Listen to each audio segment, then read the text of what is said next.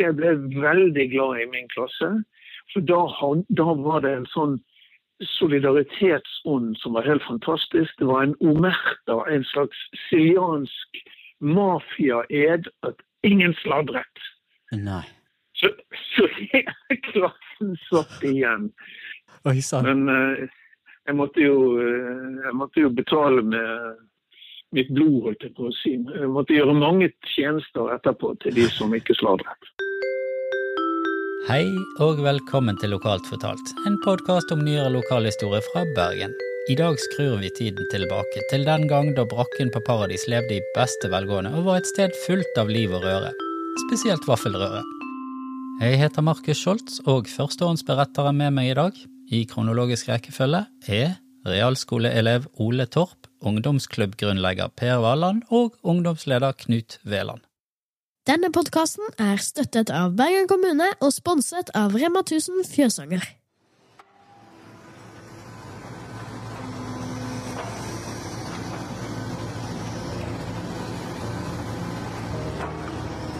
Året er 2018. Bergen kommunes etat for bygg og eiendom ønsker å rive brakken for å etablere en på- og avstigningsplass for Paradis skole, en såkalt hjertesone. I den forbindelse ba de om en forhåndsvurdering fra Byantikvaren. Den 2. januar 2019 frarådet Byantikvaren at brakken skulle rives, og det på bakgrunn av dens verneverdier. Vurderingen ble ikke tatt til følge. Fredag 7. august 2020 jevnes brakken med jorden. Det var lyden av dette du hørte innledningsvis i dette klippet. Jeg vil ikke gå dypere inn i dette nå. Brakken er død, lenge leve brakken. Den ble 101 år gammel, og historiene som lå i de veggene der fortjener å bli fortalt og bevart. Jeg var innom brakken og fikk tatt et farvel med han rett før han skulle rives. Det var gjennom noen sperringer og litt sånn, men det måtte bare til.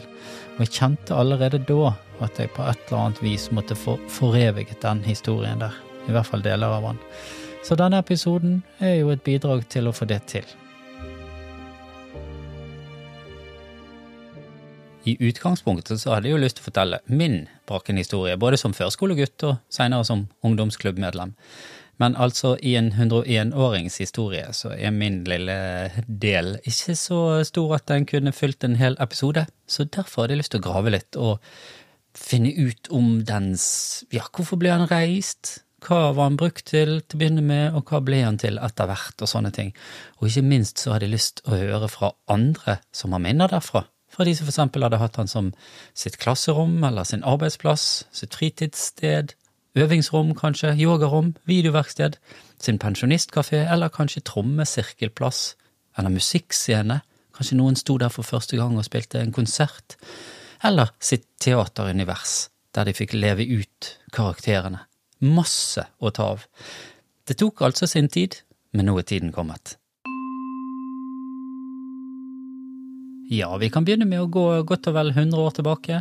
Da var det en bybrann i Bergen, 1916, og da gikk blant annet mange sentrumsskoler tapt. Og på grunn av det så ble det fart i byggingen av skoler rundt Bergen by. Og en av disse var Storetveit middelskole, som seinere ble Fana gymnas, som vi kjente det som, som i dag er erstatningsskole for forskjellige skoler som skal pusses opp, men det er en helt annen historie, så den skal jeg ikke gå inn på nå.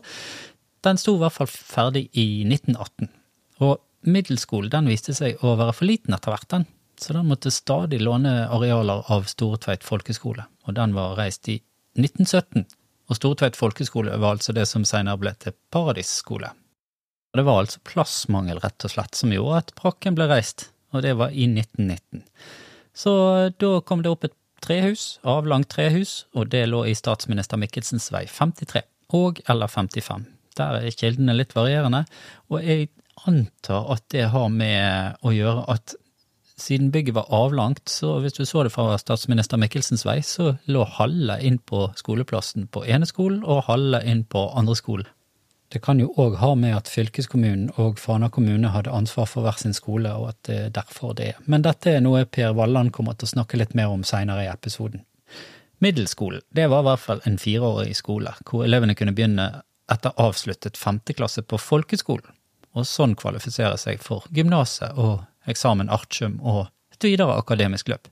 Og etter middelskole så kunne man fortsette med treårig gymnas, som ga adgang til høyere studier. Ja, dette blir en lang historie, så det var i hvert fall litt for å forklare hva middelskole var da. Og i 1930-årene så ble middelskolen erstattet av realskole. Og da tenker jeg det passer fint å ringe første gjest, som har vært realskoleelev i Brakken, nemlig Ole Torp. Det er Ole. Hei, dette er Markus fra Lokalt fortalt. Ja, hallo, du. Hallo. Ja. Det er ikke sikkert jeg har så veldig mye å bidra med, også, men, eh, men jeg er jo for at folk skal fortelle historier. Så det bidrar gjerne med det bitte lille jeg kan. Jeg begynte jo på, på realskolen i 64-65, Og da holdt de to første klassene til på realskolen holdt til i Brakken. Så det var liksom en sånn eh, myk overgang fra, fra Storetveit skole, altså det som i dag er Paradis skole, folkeskolen, den het Storetveit i min barndom. Og så var det innom Brakken, som vi kalte delvis Tyskerbrakken og delvis bare Brakken. Som var liksom inngangen i de voksnes verden. For når du var ferdig med realskolen, så skulle du på gymnaset. Og det var i de store, flotte bygningene på Fana høgre allmennskole, som det het. Yeah. Som, nå er Så der- eller som var Fana gymnas, da. Så det ble det. Ja, som etter hvert, som etter hvert ble Fana gymnas. Mm. Og eh, der gikk jeg på skole et par år i første real og andre real, og husker at vi hadde i hvert fall en del fag der, men muligens noen fag også i den store skolen. Ja. Men jeg husker vi hadde matte der, og jeg husker vi hadde engelsk der. Det var litt kaldt om vinteren, og en relativt kort korridor. Og eh, jeg husker at alt var litt sånn ja, det var tre og, og gyng, litt sånn gyngende gulv og litt sånn eh, litt sånn nedslitt bygning, men, eh, men grei nok til å holde ut. Holdt på seg. Var det, var det vedfyring der? Jeg så det var noen som snakket med det. Var det når du var der òg? Siden du sa det var litt kaldt? Kan jeg ikke huske. Jeg tror ikke det var noen som husker ikke at noen fyrte i det hele tatt. Det var jo så mange unger at vi hadde glede av uh, alminnelig sånn varme som det er når det er mange mennesker på et sted. Jeg kan ikke huske noen fyring. Jeg husker bare at det var tre eller fire klasserom på rad og rekke. Det var vel, Ja. det, det var vel stort sett det som var innholdet. Så jeg husker at vi var noen rampunger og satt urolig. og Ja. uh, Jeg husker vi hadde én lærer som eh, var veldig populær i noen klasser og veldig populær i andre klasser. Og det, det gikk vel på hvilke fag man var flink i og sånn, tror jeg. ja. Um, han var um, Han snakket mye om krigen og vakte oppsikt ved å si høyt i klassen at alle, han hadde vært i London da krigen sluttet. Og jeg husker han vakte oppsikt uh, ved å si at alle i London på Trafalgar Square hadde jublet i maidagene 1945, og han hadde bare grått. For man, som han sa, man, man jubler ikke i en begravelse.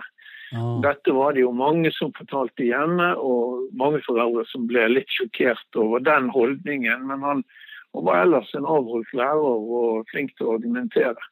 Ja, Det, det er sånne ting jeg husker der fra korridorene. Så husker jeg jo en gang at det var fryktelig nær ved å bli utvist eh, eh, like etter jeg hadde begynt på skolen. Det kunne, bli, Ok. kunne, det kunne blitt et veldig kort opphold på den realskolen. Jeg skrev et fryktelig stygt ord på tavlen i et friminutt. Ja.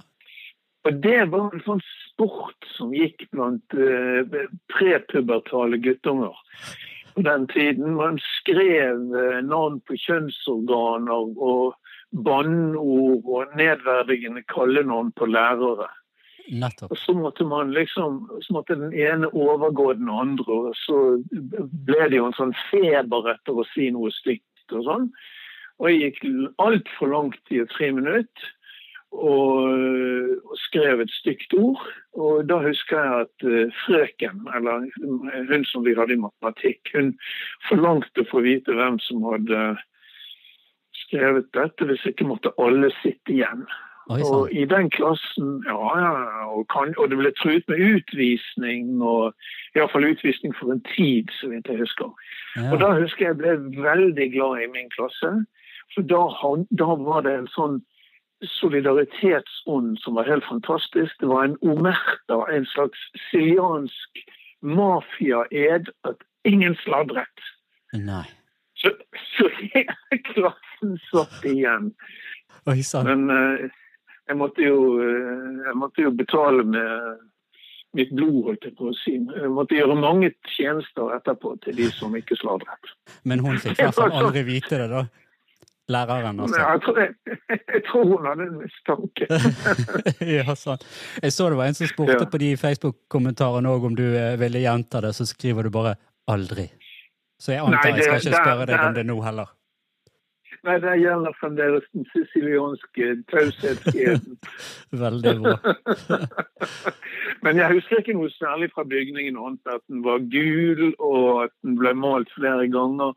At det var litt sånn svikt i gulvet, og at det luktet lakk hver høst. For da hadde de lakket eh, gulvene og sånn. ikke sant? ja, ja. Men, men eh, den var jo fremdeles i bruk da jeg sluttet på skolen. og Senere har jeg forstått at den ble ungdomssenter og alt mulig sånt. Men det, ja det var etter min tid. Ja, så det, så det skjedde ikke noe der på kveldstid? Dere hadde ikke noe aktiviteter der utover skolegang på kveldstid og sånn? Nei, Vi hadde virkelig ikke noe lyst til å gå tilbake til skolen på kveldstid. det kan du Nei. forsikre om. Det skjønner jeg. Nei, det kom nok litt senere. Når, ja, nei, det kom nok litt senere når vi gikk på gymnas og sånn. Da var det mer sånn eh, teaterskole og eller teatertrupp og, og skoleteater og skoleavis og sånne ting. Viseklubb og alt det der. Ja. Men på realskolen var det bare å komme seg hjem i full fart. Altså. Ja, det var Og så hadde dere Var det seksdagersskole òg, når du gikk på realskolen? Jeg tror det må ha vært Jeg tror det må ha vært Jeg lurer på om lurer på om femdagersskolen kom omtrent på den tiden, og at det var en sensasjon at vi skulle få fri om lørdagen. Ja. Okay, ja. Jeg syns, jeg, jeg syns kanskje det kan den, Jeg kan knytte det til omtrent den tiden. Mm. Så bra. Det var jo en klar gevinst. Ja, det tenker jeg. Så du gikk to, Det er jo samme skole på den tiden. To år.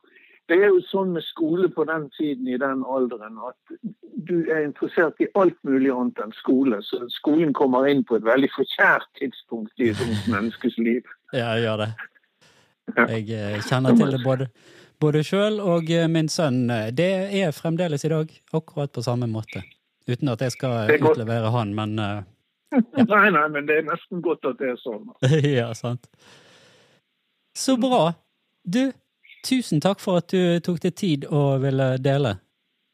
Skulle bare mangle. Skulle bare mangle. Det er jo det er på en måte kjære barndomsminner og ungdomsminner, selv om det var strabasiøst nok og eh, anstrengende nok når du sto på. Vi syntes det var en stor utfordring å gå på skolen. Men etterpå ble jo alle sånne opplevelser bare muntre historier. ikke sant? Veldig gøy.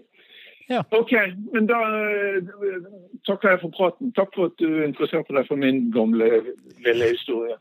Veldig gøy. Takk skal du ha. Ha det. Hei, hei. Bergen historiske festival arrangeres for første gang lørdag 21. oktober. Søk oss opp på Facebook og på nett bergenhistoriskefestival.no. I år finner dere foredragene i lokalet på Nordnes, hos Strange stiftelse og Hordaland kunstsenter. Alt på klosteret. Velkommen til kulturhistoriske foredrag, byvandringer og muligheter for å besøke kulturhistoriske bygg. Alt er gratis, men vil du sikre deg plass, er det mulig å melde seg på. Lørdag 21. oktober der, altså. Og det er jo faktisk allerede neste helg. Og du kan se hele programmet og alt du trenger å vite på bergenhistoriskefestival.no. Og jeg kan jo òg røpe at både Ståle og meg gleder oss stort til å være med på den festivalen. Og til og med være en del av den. Vi skal nemlig gjøre vår aller første live på der. Så ønsk oss gjerne lykke til. Og apropos glede og lykke, nå skal vi høre hva Per Walland har å fortelle, for han var en av primusmotorene bak det som ble selveste Brakken ungdomsklubb på begynnelsen av 70-tallet. Vær så god, Per. Hallo, Per. Det er Markus som ringer fra lokalt Ja, ja, ja, hei, du. Hei, hei. Ja, går bra? Ja, ja, ja, ja. ja. Det er veldig, veldig kjekt at du vil ta deg tid til å Snakke om gode, Mhm. gamle Brakken. Ja, Ja. Jeg fikk tips av Knut. Jeg har hatt Knut Veland, jeg vet ikke om du husker han? jeg husker navnet. Ja, han var sånn ungdomsleder når jeg gikk på Brakken der. Så jeg fikk tips av han om at eh, jeg måtte kontakte deg fordi at du hadde jo vært opphavet til, eh, til hele ungdomsklubbkonseptet. Og så sa jeg vet du hva, jeg har faktisk skrevet til han eh, allerede. Så, Ja. så det var jo helt supert. Ja. Ja, så du var rett og slett opphavet du til hele ungdomsklubben? ja, jeg var, jeg var jo ikke alene om det. da. Vi var jo eh, flere. Det var blant annet Georg Kaiser var med. eh, Eivind Skokke Dahl. Det var- hvem flere var som var med. Hun eh, Tanja Tatjana heter hun egentlig Bark. Hun var med på dette her. Jeg husker ikke, Det kan, kan være noen flere uten at jeg Men det var iallfall vi som var, var mye i sentrum for, for det å få i gang dette. Og det er faktisk ikke så mange mer enn en måned siden jeg snakket med Eivind akkurat om brakken. Oh, ja. Så han, var, han var forbi her. og så Jeg bor i Valdres nå, så, så han stoppet i Fagernes. Og så, eh, så hadde vi en times tid eller noe sånt på, på hotellet der han bodde. og bare Snakket litt gamle dager. Da kom vi inn på brakken. ja, så gøy. Så, så vi hadde fremdeles Så hadde vi også en sånn der her for noen uker. Det var 14 år siden jeg var i Bergen med, med gamle venner som jeg ikke har sett på 50 år. Og vi snakket også om brakken. Ja. Han har gjort inntrykk, denne Brakken. Han har gjort inntrykk den brakken der, du. Den der eh, men, men det var jo veldig moro fordi at, eh, at det, var jo, eh, det var jo en idé vi kom på i sin tid. Eh, Fordi at eh, fylkeskommunen og eh, kommunen delte oppgavene på drift av gymnas og, og barneskole. Dermed så ble halve brakken sto på eiendommen til fylkeskommunen, og halve brakken sto på eiendommen til, til kommunen. Ja, riktig. Ja, den gikk gjennom klasserom to, den, den eiendomsgrensen. Ja, det var Fana kommune det den gangen, ja. Det var, det var Fana kommune, ja. Ja, Og så var det, Berg, så var det fylke, Hordaland fylke da, som hadde, hadde eh, den her eh, videregående skolen. mm. Fa- Fana gymnas, som han het. Eh, Så var det egentlig ingen som visste hvem som hadde eierrettighetene til den der. Men, men kommunen hadde liksom den på sin, eh, sin eiendomsplan i hvert fall. Så du fant ut at det var egentlig ikke noe eh, tenkt på noe når det gjaldt det der. Og vi hadde jo drevet Snupeklubben i eh, et par år. eh, og, og hadde behov for et lokale som vi kunne ta sjøl, for vi leide jo lokaler. Så vi fant ut Utgangspunktet var at det var et dårlig tilbud til eh, barn og ungdom i Paradis Nesttun, Fantofte-området. Og, og, og de som ikke deltok da på å spilte fotball i Brann eller uh, gjorde et eller annet musikkorpset, så, så hadde ikke de noe sånn særlig tilbud. Og, og det hadde vi lyst til å gjøre noe med. Og dette må jo ha vært i rundt 67-68. Og da, da laget vi først en Vi fikk leie billig skytterhuset på, på Nesttun eller oppi der.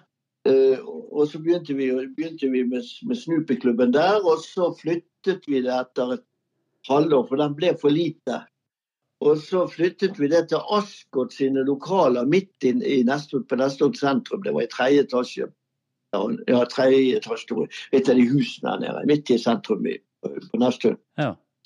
Uh, og der, der hadde vi inn en, borti sånn rundt oppi 200 som, som, som, som da kom om mandagen.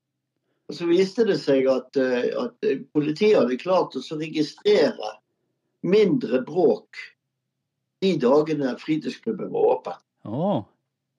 Altså mindre støy. i, sant? Det var ikke Mindre jævelskap, for å si det sånn. ja, sant. Kreative ungdommer. Vi var jo, vi var, vi var jo ungdommer sjøl, så vi skjønte jo hva det gikk i. Ja, ja. Så, så, så eh, og det hadde de, det hadde de fortalt oss. Så fant vi ut, så fant vi ut om dette med brakken. Og så fant vi ut at da, da inviterer vi Fana kommunestyre til et møte. Lurt. Og det, og det gjorde vi. Og da kom alle sammen, bortsett fra ordføreren, for han var opptatt et annet sted. Men resten av kommunestyret kom på møte i Snupeklubben. på Nesttun. Og så hadde vi fått tak i selvfølgelig politiet, som kunne fortelle hva de opplevde. Og eh, da var vi ute etter om det var mulig å få gjøre noe med Brakken fritidsklubb. Eller med den brakken som sto på Paradiset. Det var tre klasserom der. Ja. Og så, eh, og eh, kommunestyret var storfornøyd. Vi hadde jo selvfølgelig litt, grann, litt grann insight som vi brukte allerede den gangen. Så, så var jo en av gutta var jo da nevø av stortingspresidenten. Ja, ja. Og, og, og, eh, min mor kjente ordføreren. Hun kjente forresten stortingspresidenten òg. Så, så, så det Ja. Så, så, så vi fikk jo med oss litt tungvektere da, som var, var med på dette her. Og, og det gikk igjennom. Banket igjennom på full gruppe. Så ansatte Fana kommune en ungdomssekretær, som jeg ikke husker navnet på akkurat nå, Meyer eller noe sånt. Og så eh, sa de til oss at vi skulle få hjelp til å, å, å gjøre brakken i stand. Men det måtte foregå på dugnad. da. Og da var det en byggmester som jeg ikke husker navnet på heller akkurat nå, som, eh, som var liksom sånn, sånn støttekontrakt for oss, da kan du si, på hvordan vi skulle gjøre ting og sånt. Og eh, vi fikk brakken på, som et midlertidig lokale. Og det, og det, det var eh, rundt 1970. 69-70. Begynte vi å fikse opp dette her, og så hadde vi en offisiell åpning i 71, mener jeg. 71 eller 72 hadde vi en, en offisiell åpning av Brakken fritidsklubb. Og da hadde vi også fått gjort det, eller iallfall veldig, veldig raskt etterpå, så fikk vi gjort en avtale med barnehagen. Det var en barnehage som spurte om de kunne få bruke fritidsklubben som barnehage. Ja. For det var ikke noen lokaler for barnehage på Paradis. Og det fikk de lov til. Vi, hadde, vi hadde delt opp da disse tre klasserommene i, i ett stort rom, og så et sånn eh, Hva skal du kalle det? Kontor. sånt solgt pølsebod og, og, sånt. Ja. Det var halvparten. Og så var det, og så var det et spillerom eller noe sånt eh, ved siden av. Og det, det kunne barnehagen bruke. Ja. Så da fikk de lov. Men så jeg sa det at det, det, det er ikke snakk om å ha barnehage hele, for vi har mye folk som kommer. Og um, det skal liksom være en ungdomsklubb. Ja. Så, så det var gøy. Og det har alltid fungert. Det har vært barnehage der i, alle år. Det morsomme er jo det at vi fikk jo, det var gjort et vedtak på et midlertidig lokale. og jeg hadde faktisk tenkt å ringe BT for to, for to år siden når de skulle rive det. For jeg tenkte det var noe pokker at det ikke kunne stå et år til. Så hadde det vært ble 50 50. år. Det er, altså, det er et midlertidig vedtak i tidligere Bergen kommune. Ja, Nei, Fana kommune. Ja, tidligere Fana, ja. For de gikk over til Bergen i 72, da, så fikk bare rett og slett Ja. overta Ja, fikk lov å fortsette, Ja, selv om det var Bergen kommune. De over, ja, de overtok, men, men eh, ungdomssekretæren i Fana fortsatte i, på kommunehuset i Fana okay. i, i den tiden. Jeg, jeg, var med, jeg var jo med på å starte dette her og lage regler for ungdomsklubber og fritidsklubber generelt sett. Oh, ja. Det, det, det, var, det var ikke så mange av disse. Det var en kommunal fritidsklubb på Bjørnsonsgaten 39, tror jeg. Altså Bjørnsonhjørnet kalte vi det for. Okay. Der var en fritidsklubb som, som Bergen kommune hadde. Men ellers så var det ikke fritidsklubber som, som, som satte fokus altså på uorganisert ungdom. Nei. Og, det, og, så, og Brakken har jo stått der. Jeg har et visst kjærlighetsforhold til denne greia. ikke sant? Ja, ja. Det gikk noen timer der. Ja. Men eh, det var jo morsomt å, å få, få gjennomslag for det vi tenkte på. Det har vært tusenvis av ungdommer inne på denne der brakken. Det har det, og jeg, jeg har vært en av de, og jeg er veldig, veldig glad for at du eh, satte i gang dette en gang i tiden. Jeg gikk der på midten av 80-tallet, så det var noen år etter, men Ja, likevel. riktig. Ja, ja. Jo, men altså, det var jo et midlertidig lokal. Det skulle vært brent ned før du var gammel nok, Ja, sant? egentlig. Ja. Så, altså, men det, det, det ble det ikke. Det ble, det ble i bruk, og det har vært i bruk lenger. Det, det har vært, eh, jeg har jo forsøkt å følge med litt. Grann, men er jo flyttet fra landet, holdt jeg på å si, så at jeg bor i Valdres. Men, Ja. men broren min bor fremdeles i barndomshjemmet på Paradis. Oh, ja. Han overtok det så, så går jeg gjennom brakken og han har fulgt med brakken, for han var jo også med på det, i den forstand at han, han var ikke gammel nok da, kan du si. Han er ikke så veldig mye yngre enn meg, men han var jo med på dugnaden, han òg. Okay, ja. Så, så, så, så vi hadde, vi hadde vi noen jenter med. Jeg husker ikke da, jo, jeg husker navnet på Therese Mange Hansen var med. Og så var det ja, det var en, en gjeng av de også som var med. For det kom inn på dette med når du kom over på design og gardiner og sånn, så var det jo ikke kjefter og så visste visste hva det var for noe engang. Men vi visste, vi visste hvordan vi skulle male tak og veggene matt svart. Ja, sant? Ja, det husker Ja, jeg. Det var, ja. det var det når jeg Ja, var der òg. Mye svart. Ja da. Du, så, du så ikke du så ikke hjørnene oppi taket, annet. Så kunne ikke du, når du, når du var på fest så- eller klubb, så så du faktisk ikke eh, hjørnet på veggen oppi taket. Det var matt svart. Så det var helt dødt. Ja. Så eh, det, det, var, det var den gangen da vi hadde en, en tekniker med oss. Han ble nå ingeniør til slutt, han òg. Aksel Tønseth. Han bodde rett nedenfor der. Okay. Han likte, leke han likte å leke med strøm, så vi hadde vårt sannsynligvis vårt første juletre med blinkende lys som gikk rundt på en motor. På en av disse arrangementene vi hadde, hadde til jul nede der. Det måtte jo være litt spesielt. Så hadde vi eh, anlegg. Altså, vi drev jo brakken uten kommunal støtte. ja. Men hva, hvem betalte da? Medlemmene? Medlemmene betalte. Ja. Men det var jo ikke noe, altså Vi fikk jo huset gratis. ikke sant? Vi, fikk, vi skulle, måtte jo passe på det, for vi hadde tilsyn og sånt. Mm. Og så fikk vi låne toalettene på Paradis skole, for det var ikke toaletter der. Men det var greit, det kunne vi få låne. Så det har nok kostet kommunen noe. Ja. Eh, Og, og så etter hvert så ansatte jo kommunen meg okay. som, som leder, eller iallfall en av lederne. Jeg husker ikke hvordan det er. Jeg, jeg var iallfall betalt av Bergen kommune noen timer i uken eller hva det var for noe, for, som, eh, for å, å drive braken. Ja. Og det, og det gikk meg, så, så ble jeg egentlig litt uenig med, med Bergen kommune den gangen, så jeg, eh, jeg trakk meg ut.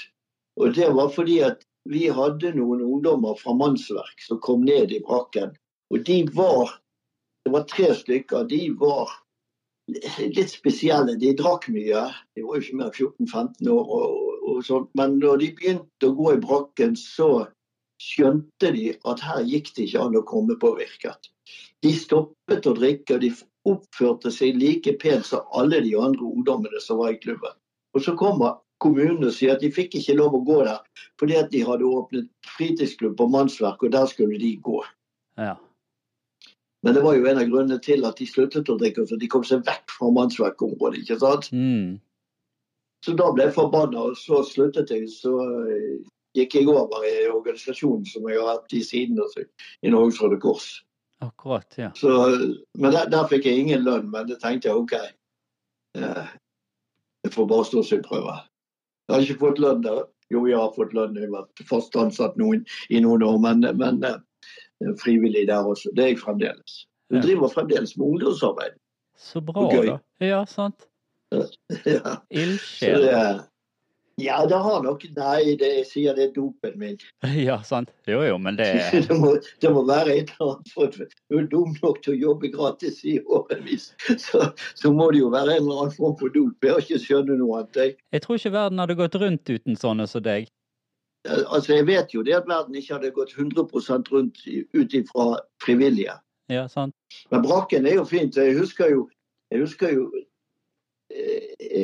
Vi skulle male endeveggen ned mot gymnaset. Ja. Og der var jo kjempehøy. Jepp. Ja. Og der var jo kjempehøy. Mm. Og det eneste vi hadde, det var en trøe. Ja. En sånn gardin, gardintrapp i tre.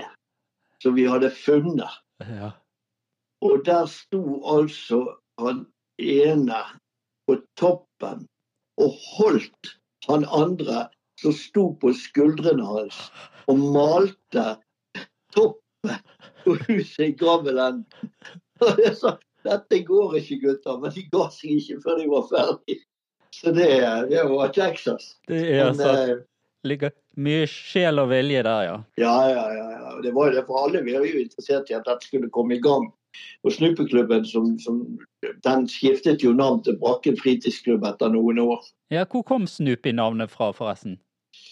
Snoopy er jo en eh, sånn hund. Ja, den tegneserien, sant? Så, Jepp. Ja. Og det var den vi tok. Og vi fikk lov av, av de som tegnet den her, å kalle det for Snoopy-klubb. Oh. Så vi fikk lov å bruke Det var en i USA som gjorde det. ja, ja. Fikk lov å bruke eh, tegningen til Snoopy på, i logoen til Snoopy-klubben. Oh, så Det gøy. vi hadde Ja, ja. Så, så, så det, det var et fint navn, synes vi, som, eh, som kunne passe det. Det var, det var, det var sånn, sånt navn som ingen kunne sette seg opp mot. Så? Alle visste hvem Snoopy var, men, men det var ingen politisk greie eller noe sånt. For det var, det var nemlig en av de tingene som kanskje vi skåret på i kommunestyret. Vi hadde gjort et vedtak i, hvis du kan kalle det det, i, i klubbstyret i Snoopy-klubben at det skulle være åpent for alle.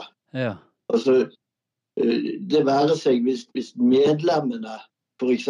ønsket å ha en prest opp og holde foredrag om Jesus, så fikk han lov til det, altså. ja.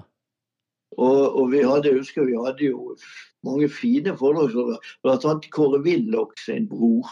Han var direktør på havforskningen eller noe sånt i Bergen. Han har glimrende foredrag der. ja. Og også Tatjana, eller Bart, eh, faren hennes var professor. Hun hadde et kjempeinnlegg med, fra Ny-Guinea. Indianerne som har besøk på Ny-Guinea. Jeg lurer jaggu meg på om ikke Tyrann er professor i samme greie nå. Så, men det var jo faren som var professor den gangen. Og hun var med i styret. Mm. Så, så, og det var en av grunnene til at vi skulle ha det. Men det, det var ikke tillatt med alkohol, og det var ikke tillatt å røyke inne. Nei. Så, og, og det var jo grenser for røyking, hvis jeg ikke husker feil. Jeg tror det var 15 år eller hva det var for noe. Vi brukte de offentlige reglene. Og det var ikke tillatt med alkohol eller stoff eller noe som helst. Så vi gikk jo, mange av oss, iallfall jeg gjorde det, så gikk jo på, på kurs for narkotikapolitiet. da For å, for å, å lære å kjenne lukten på bl.a. hasj og sånne ting. Ja. I, i, til, I tillegg det så, så jobbet jeg på økonomiavdelingen på Sandviken sykehus. og Den gangen het det Nevengården sykehus. ja, jeg husker det. Og- Ja, og da, da jeg jobbet der i ti år, så jeg hadde jo sett en eh, narkoman før. Mm. Opptil flere. Jeg kjente mange av dem, men det, det var pasienter. Så det, mm. For en historie. Brakken er brakken her. Brakken hadde, brakken har masse folk inne. Og det er mange folk som sier det kjenner deg fra brakken. Ja. Så, så det Ja, det er hyggelig. Veldig hyggelig.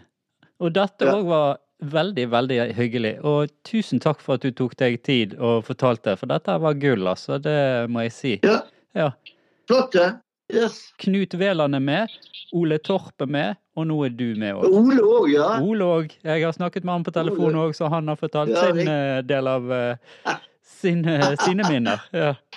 Ja, ja, riktig. Ja, Supert. Han, eh, han kjenner til Han har jo mye sammen med i ungdommen. ja, jeg så dere kommenterte litt på Facebook sammen og eh, sånn, så, Ja, riktig. så det var kjekt å Mm. se. ja. Supert. Neimen, tusen takk, Per. Ja, alt i orden. Så får du ha en fin dag videre. Takk for det. Takk, takk. Ha, ha det riktig godt. Ha det fint. fint. Hei, hei. Hei. Siden vi primært snakker om nyere lokalhistorie i denne poden, så hopper jeg galant frem noen år, og lander i tiden når det ble etablert førskole. Den ble også kalt Seksårsklubben i Brakken. Og dette var noe Foreldrerådet drev i egen regi. Og tanken med førskole var jo å inkludere seksåringene i skolesamfunnet. Og det var jo en hyggelig tanke. Gi oss en, eh, jeg sier oss siden jeg gikk der, gi oss en eh, myk inngang til skolelivet. Nå har jeg ikke funnet eksakt årstall på når det ble etablert, men jeg gikk i hvert fall der på, i Brakken, altså på førskole i 1978 og 79. Og en av førskolelærerne het visst Unni M. Lie. Ikke at jeg husker henne sjøl, men eh, det sto et sted, så jeg ville nå ta det med likevel. Og mitt sterkeste minne fra førskole i Brakken, det var at vi satt på langbord i spisepausen, og så fikk vi servert melk. Enten hårmelk eller skummet melk. Men det som var magisk, var at vi fikk lov å få en blanding av de to òg i glasset. Ja, vi kan jo kanskje kalle det små gleder, men det sitter nå i 45 år seinere, og jeg er fremdeles eh, hekta på melk, så det er ikke lite de små tingene i barndommen har å si for resten av livet. Og apropos resten av livet, det gikk videre med at jeg begynte på Paradis skole i 1979, og så gikk nå årene, så jeg hoppa galant frem seks-syv år, og da lander jeg på, når jeg begynte å henge rundt Brakken ungdomsklubb, da gikk jeg på Storetveit skole og det var nok rundt 85-86. Og den tiden har jeg vært så heldig å få Knut Veland til å snakke med meg om, og han jobbet nemlig der da, og jeg husker Knut som et veldig positivt innslag i ungdomstiden. Og Knut han tok turen hjem til meg og kom i studio, og jeg laget vafler som jeg fikk, jeg fikk oppskriften av han.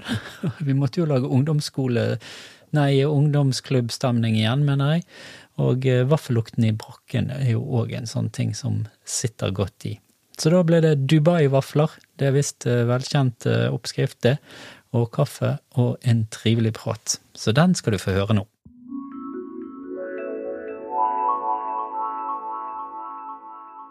Velkommen til gards, Knut Veland. Takk skal du ha. Her er vi altså i Lokalt fortalt, og nå skal vi snakke om gode gamle Brakken ungdomsklubb. Og der var det jeg møtte deg første gang fordi da var du eh, Ja, hva heter det egentlig, det du var? Jeg tenkte på liksom en ungdomsleder, men det var jo ikke det. Hadde du noe tittel? Jeg lurer på om ikke det var ungdomsleder, ja, det var kanskje... slash klubbleder, hvis man da var ansvarlig for noen andre som også var ungdomsledere. Liksom. Nettopp, ja. Så du har vært innom ja. begge, kanskje? Ja, ja, det var et visst hierarki der også, alle andre steder. Ja, og du begynte på å ja, vi begynte, begynte på, på bunnen. Ja, ja. Vi begynte med vaskelokalet etter. Ja, da, ja, åpne og lukke. ja, ja, ja, veldig bra. Vi kan jo ta det fra begynnelsen. Det er kjekt å høre litt om eh, bakgrunnen, så kan vi komme litt etter hvert inn på når dette her skjedde. Fordi at eh, Hvor kommer du fra, hvis jeg kan spørre på den måten? Jo, altså opprinnelig så er jeg født og oppvokst på Hop, da. Ja. ja. Så ganske i nærheten av brakken. Og der, eh, og så, men da var du da gikk du på Paradis skole og fikk ja. på en måte forhold til Var du på noe førskole og sånn før det òg, kanskje? Nei, det var ikke oppfunnet når jeg var så ung, tror jeg. Oh, nei. Så det var Begynte nok i barnehagen på Hop, og så begynte vi på første klasse på Paradis skole. Nettopp. Men brukte dere den til noe, husker du det? Jeg hadde ingen forhold til brakken da. Det var bare en brakke som sto på skoleplassen der. Ja, nettopp. Jeg var der i eh, Begynte vel i 78, tror jeg, på, på Paradis skole. Nei, jeg begynte på førskole i Brakken i 78, nemlig. Så, ja. Så det var noen år, var, eller det var ett år jeg var der, og så gikk jeg på Paradis etterpå. Men jeg husker ikke helt når jeg begynte å henge som ungdom i ungdomsklubben, men jeg kan tenke meg det var rundt 1987. Hva forhold hadde du til Brakken før du Nei, jeg, jeg begynte jo som, som, medlem og gikk i Brakken. Ja. Og da kan jeg tenke meg at det var vel en sånn 14-15 år. Ja, Så du var medlem i, i klubben? I, i ungdomsklubben. Ja, ja. Da hadde jeg hospitert litt i klubben som var forut for den kommunale, noe som het Snoopy. Å oh, ja, ja, den har jeg hørt rykter om. Der er noen som eh, Ja. Så da hadde jeg sneket meg inn der, for der var vel 16 års aldersgrense. Jeg tror jeg var litt for ung, men, eh, men eh, vi begynte der. Falsk legg? Ja, det var ikke Det, det var egentlig bare å ta frem kulepenn. De var ikke så streng den gangen. Nei. Og etter det, da, så så ble vel Brakken som sånn kommunal fritidsklubb åpnet. Og mm. da var vi jo haugevis av folk som gikk der. Og da skulle det jo være litt sånn medlemsstyrt. Okay. Så etter noen år der som medlem, så ble man valgt inn i styret, og så fikk vi sånn medbestemmelse, da. Ja. Og da var det, jeg tror vi var oppe i 150 medlemmer ja. i storhetstiden. Så var det haugevis av folk både innenfor og utenfor medlemmer, jeg husker ikke hvordan vi eh, Vi bare hang der, vi. Husker ikke hvordan, men jeg husker veldig godt at du var en av lederne, og at eh, det var veldig greit at vi fikk på en måte gjøre omtrent akkurat hva vi ville. Uh, innenfor visse rammer, selvfølgelig, men det var en veldig sånn god stemning og god Det var ikke noe sånn Det var ikke noe strengt. Og min bror òg, så jeg snakket med han, og han snakket om liksom, følelsen at, at dere var på samme nivå som oss. At det var nesten så at vi var tjommier. Det var jo en fin ting for oss å vokse opp med i ungdomsklubben. Min bror snakket om at du fikk lov å bygge sånn der eh, DJ-tårn inne i hjørnet der, og holde på med det å male og lage kunst på veggene og Hva, husker du mandatet deres? Ja, mandatet vårt var jo egentlig å være voksne i et ungdomsmiljø. Ja. Sant? Og så, eh, når vi hadde denne diskusjonen der, så, så er det korrekt som du sier. Det var ikke noe strigent regelverk. Det er klart vi måtte holde oss innenfor Norges lover.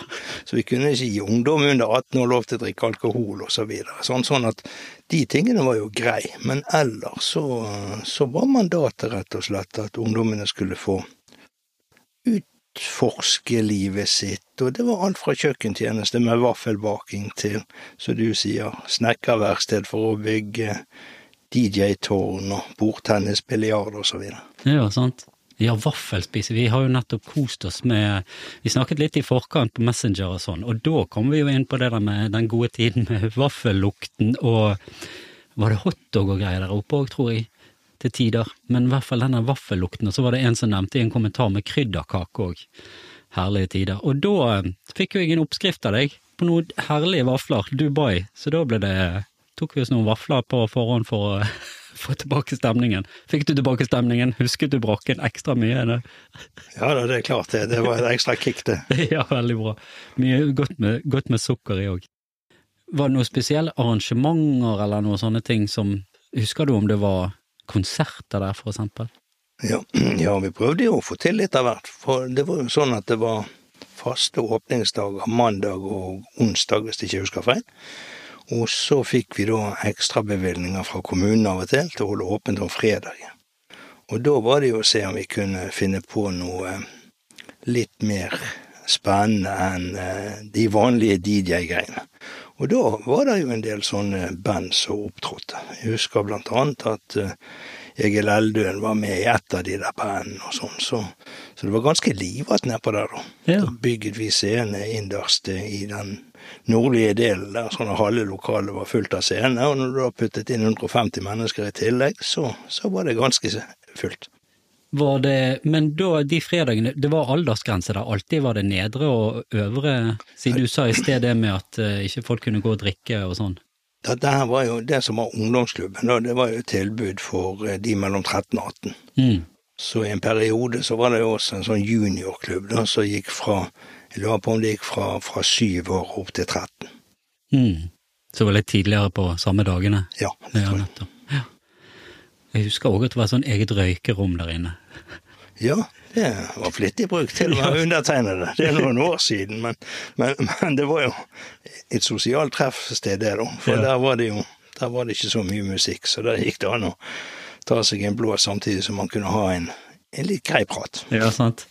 Ja, sant. Musikken, det var viktig der oppe òg, og vi hadde jo, husker du det var platespillere, og når den der eh, hiphopen og, og rappen og sånn kommer, så skulle vi begynne å scratche og sånn. Sto vi oppe og var DJs, det var veldig spennende, og med sånn blacklight, så tennene ble helt kritthvite og Husker du mange av de som gikk der? Jeg gjør det, og eh, det er jo sånn at jeg eh, treffer jo på noen, og sliter ofte med å kjenne det igjen. Kanskje jeg har forandret meg litt mindre, for jeg ser, ser at jeg har forandret meg ganske mye når jeg tar titten i speilet, men, men kanskje mindre enn de som den gangen var 13 til 18 år. Mm. De har nok forandret seg mer, men det skjer ganske ofte at det kommer en bort og sier hei Knut, hvordan går det med deg? Så må du Oi, hvor har jeg det fra? Brakken, selvfølgelig. Hvor mange år jobbet du der, husker du? Jeg tror jeg jobbet der en eh, fem, seks, syv år. Og Ja. etter det så jobbet Det var en ungdomsklubb oppe i Apeltunveien, og oh, ja. en på Ulsmo, en på Søreide som jeg har vært innom, og en på Gjellestad. Oh. Sånn at jeg Sum summarum så tror jeg jeg jobbet i kommunen i en 15 år i en sånn deltidsstilling. Ja. Hva syns du forresten om at han er vekke nå? Følte du med på den debatten de, om de skulle rive Ikke veldig mye, men, men det jeg syns er trist, er at man ikke har et sånt tilbud til ungdommen. Ja, sant. Altså om det er en brakke eller et annet lokale, det har ikke jeg noe spesielt forhold til, men, men jeg syns jo at det var et eh, supert tilbud, og kanskje enda mer når du ser i, i speilet på Mm. hva slags tilbud ungdommen har i dag. Ja. Ja, og jeg snakket med en i går om akkurat, eller vi snakket, vi var flere som snakket om det, og jeg sa at vi skulle spille inn dette i dag, og da snakket vi om sånne ungdomsklubber og sånn, hvor viktig det der var for oss, både med å møte selvfølgelig voksne og ha rammene der og sånn, men også møte masse andre ungdommer, fordi at brakken var jo for, altså Storetveit-folk, sant, som var både Mindes, Paradis, Hop, Bønes, Krø- Kråkenes, alle mulige, sant? sånn at de kom fra forskjellige steder i, i byen. At det ikke ble sånn ja, at man bare var fra ett sted og ikke møtte ungdommer fra andre steder, da. Var, skapte det litt eh, Var det greit, på en måte, for folk, virket det som? Eller? Ja, det, jeg tror det var supergreit. Jeg altså rett og slett fordi at uh, man Ja, man traff jo eh, likesinnede fra andre geografiske områder, sant. Og det var jo alltid kjekt å kunne se på jenter slash eh, de som var opptatt av gutter fra, fra andre områder enn eh, bare sitt eget nær, nærområde. Ja, sant? Så, så det der var jo, det var jo et fristed, sant. Og det var jo spennende å gå der, og vi som var voksne der, så jo det at det ble bygget mye relasjoner. Ja, sant. Det har sikkert vært litt spennende å se på, å se på de der to. Ja, der har du de igjen. Og så bli kjent med ungdommene på en sånn fin måte. Og det var jeg, ja, jeg var litt tilbake til det jeg sa i sted, med at vi følte liksom den der voksentilstedeværelsen var ikke noe på en måte en trussel. Det var en veldig sånn her trygg, fin eh, feeling å, tenke tilbake på. Det er mye derfor jeg har hatt veldig lyst veldig lenge. Jeg har tenkt på denne episoden her siden jeg begynte podkasten omtrent, at Brakken er en av de stedene som på en måte har så mye å hatt så mye å si i ungdom og oppvekst. Jeg har liksom ikke ja, jeg har ikke noe å sammenligne med i dag, men jeg tror det er veldig viktig det med akkurat bare på en måte de der årene der fra man er 13 til 18 å ha et sånt tilbud. Det er klart det at, eh, som du nevnte, sånn, så var det en, en, en mye større nærhet mellom voksne og ungdom. Altså, vi var Vi som var voksne, vi kunne være litt røffere både i kommentarer og i væremåter. Når man følger med i dag, så er det jo sånn at eh, jeg tror vi hadde kanskje fått påpakning, alle voksne, fordi at vi hadde krenket noen sånn, på, på vår væremåte, fordi samfunnet har endret seg sånn. Sånn at eh, det som du sa i sted med at vi liksom var på lik linje, og litt eh, ja, sidestilte, rett og slett bare det at vi var voksne. Vi, det var vi som hadde ansvar, og det var en del regler og rammer som vi skulle holde oss innenfor. Men innenfor de så var egentlig vet ikke om fullmakter er det rette ordet, men, men, men da var i hvert fall handlefriheten veldig stor. Ja, og så var det vel en sånn Sånn jeg opplevde det, og sånn som det helt sikkert var siden det gikk så bra, var jo at det var en gjensidig respekt, sant. Men litt tilbake til eh, når du, eh, tiden på Hop og når du hang rundt på Paradis, og eh, hva hadde dere som, ja du sa du var medlem, sant, denne Snoopy, var du der når det var Snoopy òg, eller var det litt før din tid? Det var egentlig litt før min tid. Jeg begynte, jeg begynte litt der med å snike meg inn, Altså, hvis Ja, jeg spilte litt plater og litt sånn, så fikk jeg lov å være der på nåde. Har du med deg egne plater, da? Ja, det husker jeg ikke, men det kan godt hende. Husker du hva musikk som eh, var Vi, vi er jo tilbake til Heap og Cat Stevens, Creedence og sånne ting. Ja, ja. Det var noen som, nemlig en som nevnte noe med Ashes to Ashes, og altså David Bowie. Husket veldig godt hun hadde danset til David Bowie på, i, i Brokken. Ja, danser og sånn, så var det, det var, var det noe diskotek og litt sånn òg på de fredagene da? Ja, på fredagene var det jo det, og onsdagen stort sett også. Så sa vi det at eh, vi holdt vel åpen fra syv til ti, og så var det jo alltid det trøkk på at eh, spesielt noen hadde lyst til å danse og sånn, og da åpnet vi vel og sa vel det at fra om onsdagen så kunne man liksom danse fra halv ni til, til ti, da. Okay. Sånn at da alle som hadde stått utenfor og røykt og pratet, de kom inn da og skulle ha halvannen time med, med litt uh, riste på koteletten og se om de kunne holde rundt noen. Ja, sant. Og så innimellom så kom det en liten sånn slow, så vi kunne Måtte ha det, det var alltid Det var et krav. Det var ikke bare et ønske, det var et krav. Og jeg hadde kanskje sånn ti på ti òg, det. Så kunne man gå ut etterpå i natten og leie nedover. Ja, nå, Jeg husker ikke hvordan, men eh, loka, husker du lokalet, selve altså fasilitetene der? Det var sånn kjøkken rett innenfor inngangspartiet der, sånn til høyre, og der rullerte vel Det var vel sånn skrev man seg opp for å Jeg tror vi delte på det der på å lage vafler og sånne ting. ja, som jeg var litt inne på i sted, så var det Det, det skulle jo være selvstyrt, dette. Ja. Sånn at medlemmene valgte jo et styre som bestod av en fem-seks stykker, og de hadde da ansvar for å lage vaktgruppe, kjøkkengruppe og sånn eh, aktivitetsgruppe. Mm. Sånn at eh, det var jo aktiviteter da som var arrangert av de som gikk der. Mm. Og de laget kjøkkengruppe og, og de andre gruppene. Og eh, jeg husker en gang, det er en ganske søt historie egentlig, vi hadde alltid problemer med at disse her bordtennisballene de ble klemt flat. Og da var det klokt hode som sa at han som klemmer de her flat, det er han og han. Så nå gjør vi en vri her. Vi lar han bli ansvarlig for dette bordtennisgreiene. Og han fikk da ansvaret for å sette opp hvem som skulle spille til enhver tid, ta vare på racketer og bordtennisballer, og etter det var det aldri en flat bordtennisball. Veldig smart, altså. Så psykologi virket den gangen også. Ja, ja, ja. Veldig enkel psykologi. Jeg tenkte når du sa det, å ja, det byttet jo med golfballer, da, men eh, Det hadde gjort seg. Ja. Det ble bråk. Ja. Jeg skrev inn på Facebook at jeg hadde lyst til å lage en episode om Brakken, om noen som hadde minner derfra og sånn og sånn, og så kom det masse kommentarer nedover og forskjellige. Det er i hvert fall en som skrev oss eh, på min alder, så at det var en viktig ungdomsklubb for oss som ikke brydde oss om fotball i tenårene. Følte du at det var noe sånn todelt, at de som gikk i Brakken, de drev ikke med andre aktiviteter, eller var liksom alle der? Ja, det var jo noen som var der hele tiden. Eh, og, så- og så var det eh, de som gjerne drev med fotball eller friidrett og sånt eh, i tillegg. De var der gjerne bare om fredagen når det var diskotek og sånne ting. Ja. Sånn at de måtte, eller de prioriterte andre ting de da, noen av dagene i hvert fall. Mm. Men så var det jo den eh, faste kjernen da, som kom hver gang. Jeg Tror jeg var en av den faste kjernen, men eh, det er et godt tegn, det. Trivdes godt. Men var det noe, noen gang at det var noe sånn på fredagene, hvis det var, virket, altså, det var fest, at det kom folk fra andre steder som gjerne ikke hadde noe på en måte tilhørighet, eller var alle velkommen? Det var bare åpent for åpent hus? Ja, fredag, altså dette var jo medlemsbasert, sånn at man måtte jo kjøpe et medlemskort. Men av og til om fredagen så sa vi det at de som ikke hadde medlemskort, de kunne betale seg inn. Ok.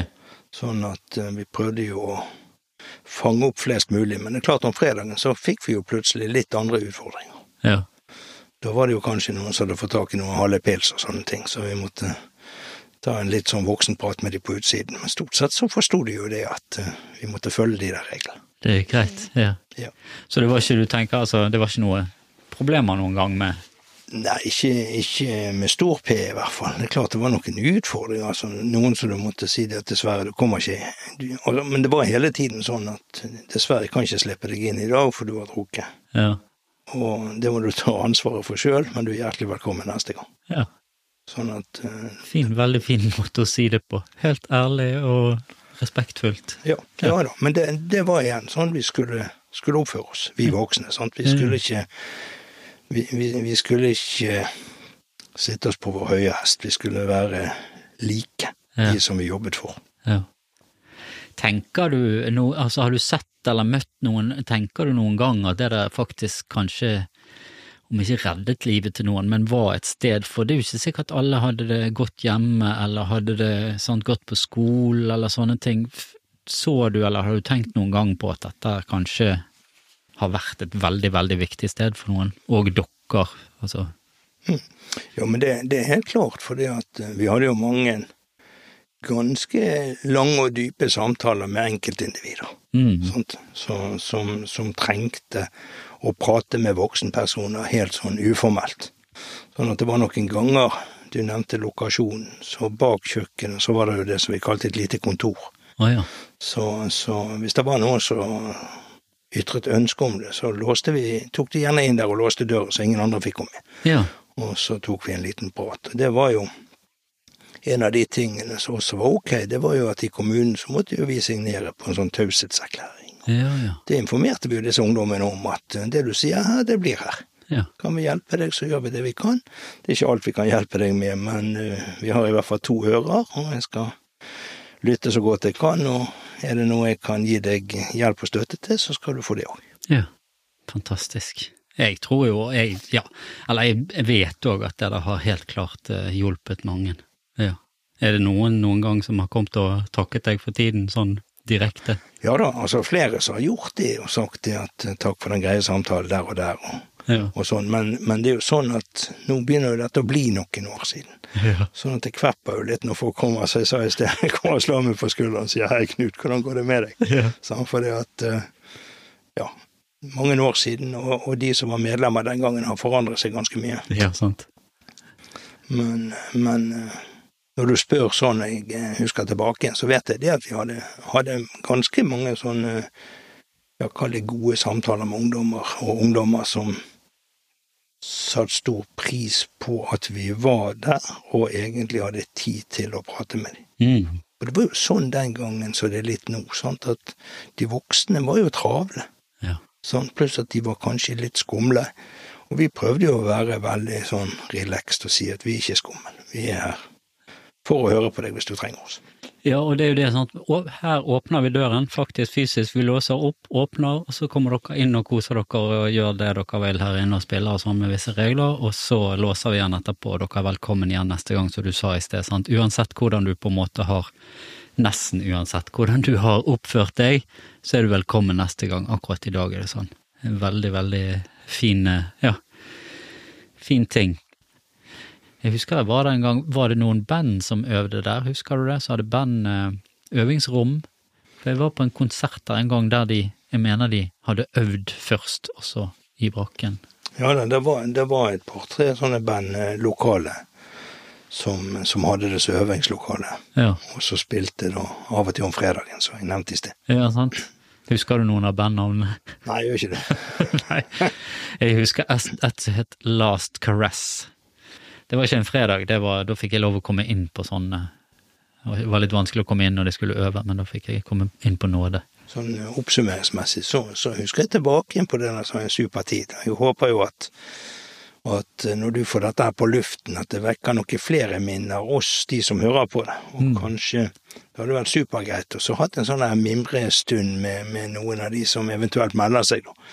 For, for eh, det er helt klart at det var en en arena der vi, vi, vi betydde ganske mye for hverandre.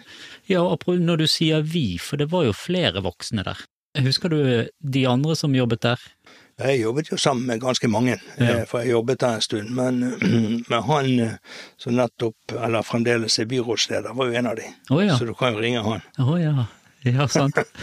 Høre, om Vakavik eh, har lyst til å ta en prat med deg. Ja. For han var jo innom og jobbet som ungdomsarbeider i en periode. Ok. Ja, og så hørte jeg at han Frode Tuen Det er korrekt også. Ja, så ungdomsarbeider, ja. Altså sånn sivil eh, er sånn som jeg, Nei, ansatt, ansatt i Bergen kommune. Ok, Altså ved siden av studier og sånne ting. Ja, ja, ja, ok. Ja, ja jeg blander ungdomsarbeider med sivilarbeider i nå, ja. Ja, ja. Nei da, så, så de to karene har jeg i hvert fall vært innom. ja. Og det var ganske mange andre også som, som var innom, for da, som jeg sa, det var en del sånne studenter som kom tilreisende gjerne, som tok dette her som eh, ja, litt ekstra innkom da ved siden av studiene. ja. Og kanskje litt ekstra praksis hvis de var for eksempel lærerstudenter, eller Ja, Sånne ja, ting. ja, det er klart at de, det om, sånn. om de fikk noe praksis for det, det tør ikke du uttale meg om, men, men ja, med sånn godskrevet praksis, men de fikk i hvert fall eh, en god erfaring med ungdom. Realkompetanse. Ja. Ja, sant. Var det, var det noe sånn dugnads eh, Altså for, for foreldre, jeg antar jo at vi, eller våre foreldre betalte litt for at vi skulle få være medlemmer og sånn. Var det noe dugnadsarbeid? Var foreldre innblandet noe Ingen gang? foreldre innblandet, nei. Nei. Det var fris, fristed. Ja, ja, det var det. Det kostet, jeg vet ikke om det kostet 20 eller 40 kroner sånn for et års medlemskort. Ja. Og eh, når det skulle males eller snekres eller noe sånt, så vi tok jo inngangspenger på de diskotekdagene der. Mm. Fem kroner eller noe. Ja. Og så uh, fikk vi av og til noe bevilgning fra kommunen til å kjøpe noe maling og noe greier, og da malte vi og gjorde det der. I klubbtiden, da. Ja, eller hadde åpent en ekstra dag eller noe sånt der eh, en, en gruppe ungdommer fikk låne nøkkel og male en vegg eller et eller annet sånt. Ja, ja. Helt supert. Ja. Ja, for det der snakket min bror om, sant, og snekre og fikk lov å lage ting inne i brakken. Og jeg husker det var mikrofoner der, det var sånn PA-anlegg som man kunne snakke ut på, og vi drev og øvde oss på dette DJ-greiene og sånne ting. Og det der å bare, den der greien med å få lov å teknikken, sant. Jeg sitter jo her og spiller inn og må kjøre lyd om det ene og det andre, sant. På en eller annen måte må jo man lære seg det. Det er greit man har YouTube nå, men det der å ha kunne gjort det som ungdom og få spille musikk for andre og mikse og sånn og sånn, sånne små eh, ja, egentlig opp, små opplæringer man har hele tiden. Og som du sier, ja, du skal male en vegg, ja, hvor vanskelig er det det? Nei, du må jo for det første vite at du skal røre i malingen, og du må vite at du skal børste en vei sånn, eller om du skal rulle, og hvordan du skal Det er jo ganske mange ting man lærer av rett og slett bare for å gjøre det der. Og hvis man kan gjøre det i fritidsklubben, og noen på en måte ikke står over deg og forteller deg hvordan du skal gjøre, men bare viser deg og lærer og sånn, så, det, så tenker jeg jo det der er helt fantastisk. Eh, en, en, en god del av denne greien enn å bare møte opp og så bare møte andre, men faktisk få lov å være med en del og skape og forme det man er en del av òg. Helt unikt bra. Ok, Knut, dette var hyggelig. Ja, kjempegreit å mimre litt. Mimre litt. Vi kan godt mimre mye mer når vi kommer på uh, alltid sånn etter, så å nei, det var det jeg skulle spurt om, å ja, det snakket vi om, og så å nei, det snakket vi om før vi tok opp og sånn. Hvordan var det med HMS-en der oppe? Var det noe sånn? Nei, ja, det var jo de Brannøvelser og- en ikke- brannøvelser, men, men ne, vi hadde brannslukningsapparater som ble Som virket? Ja, de ble ettersett, og man skulle sjekke at, at den der eh, uret sto på grønt og ikke på rødt. Ja. Og snu de opp ned sånn en gang i året? Ja, sånn. ja. det verste med brannslukningsapparater, det var vel at det var et par ganger noen som prøvde de i klubbtid. ja så, og da er det sånn ett trykk, så er de eh, hele, hele lokalet Ja, det er klart. Og da- var det ganske mye sånn selvjustis for de som hadde gjort det. Da måtte man jo gjerne stenge butikken en måneds tid for nedvask og sånn. Ja. Og da fikk de ganske mye pes. Og det var ganske mye sånn selvjustis på at de som hadde gjort det én gang, kanskje gjorde det flere ganger. Nei, sant. Så da takker jeg for praten og laget, og at du kom på besøk en søndag. Jo, supert. Takk det samme. Veldig hyggelig. Takk. Ha det bra. Ha det godt. Brakken, altså. For et sted. For så mange, og i så mange år. Men det var jo ikke sånn at det var slutt på aktiviteter etter de eh, 60-, 70-, 80-årene som vi har snakket om. Den fikk jo faktisk stå i noen og 30 år til etter det. Så jeg kan jo kjapt si litt om hva som var der etter min tid, for å kalle det det. På 90-tallet så var det blant annet bingo og kafé for pensjonister, og Bergen kommune ved kulturkontoret i Fana arrangerte videokurs. Og når vi kommer til 2000-tallet, så var det blant annet drop-in trommesirkel med Lars Kolstad. Og hvis du vil lese litt mer om det, så kan du gjøre det på bt.no. Jeg kan legge en lenke i episodebeskrivelsen til det. Og jeg ser at den artikkelen er faktisk skrevet av en venninne av meg, Elisabeth Langeland Matre. Så verden er ikke så stor, si. Og så var det visst meditasjonskurs der hver fredag klokken seks, og fra 2010 og frem til rivingen så var det Apropos teater som holdt til i det de kalte da Teaterhuset Paradis. Og i slutten av mai 2020 så var det aller siste gang det var aktivitet i Brakken. Og det var et tre dager langt loppemarked, der alle kostymene og rekvisittene fra teateret ble solgt, og man kunne drikke drinker og spise grillmat og danse natten lang. Og der fikk jeg kjøpt meg en tamburtromme, så det er mitt minne fra den gang. Og så vil jeg si tusen takk igjen til Ole og Per og Knut for at dere tok dere tid og ville dele disse historiene med oss. Det så jo lenge ut som at dette skulle bli en soloepisode med kun meg bak mikrofonen, men så plutselig ble det jo en eh, Stinn Brakke-episode. Herlig. Og så vil jeg rette en stor takk til Anders Nilsen på Bergen byarkiv, som på 123 fisket frem massevis av info om Brakken fra arkivene. Problemet var da at jeg plutselig satt med kildemateriale til en hel masteroppgave, og det var ikke så lenge igjen til episoden skulle ut, så jeg måtte gjøre et lite utvalg og stå ved det. Håper det var bra. Jeg syns det var bra. Men hvis du vil gå i dybden på Brakkens historie, så er det bare til å henvende seg til Bergen byarkiv, altså. Og som alltid, tusen takk for at du lytter. Det gleder oss stort. Og e-postadressen vår er fremdeles post1lokalfortalt.no, og der tar vi gjerne imot tilbakemeldinger, råd, tips, forskjellig, ja, det du har på hjertet. Og besøk gjerne nettsiden vår lokalfortalt.no for mer info om episodene, og litt av hvert annet, bilder og sånne ting. Veldig gøy. Til neste gang, ta godt vare på deg sjøl og omgivelsene dine, og lev vel. Ja, og du, husk å ta deg turen ned på Bergen historiske festival. Neste lørdag, altså, 21. oktober. Finn alt på bergenhistoriskefestival.no, og så høres vi igjen. Farvel så lenge.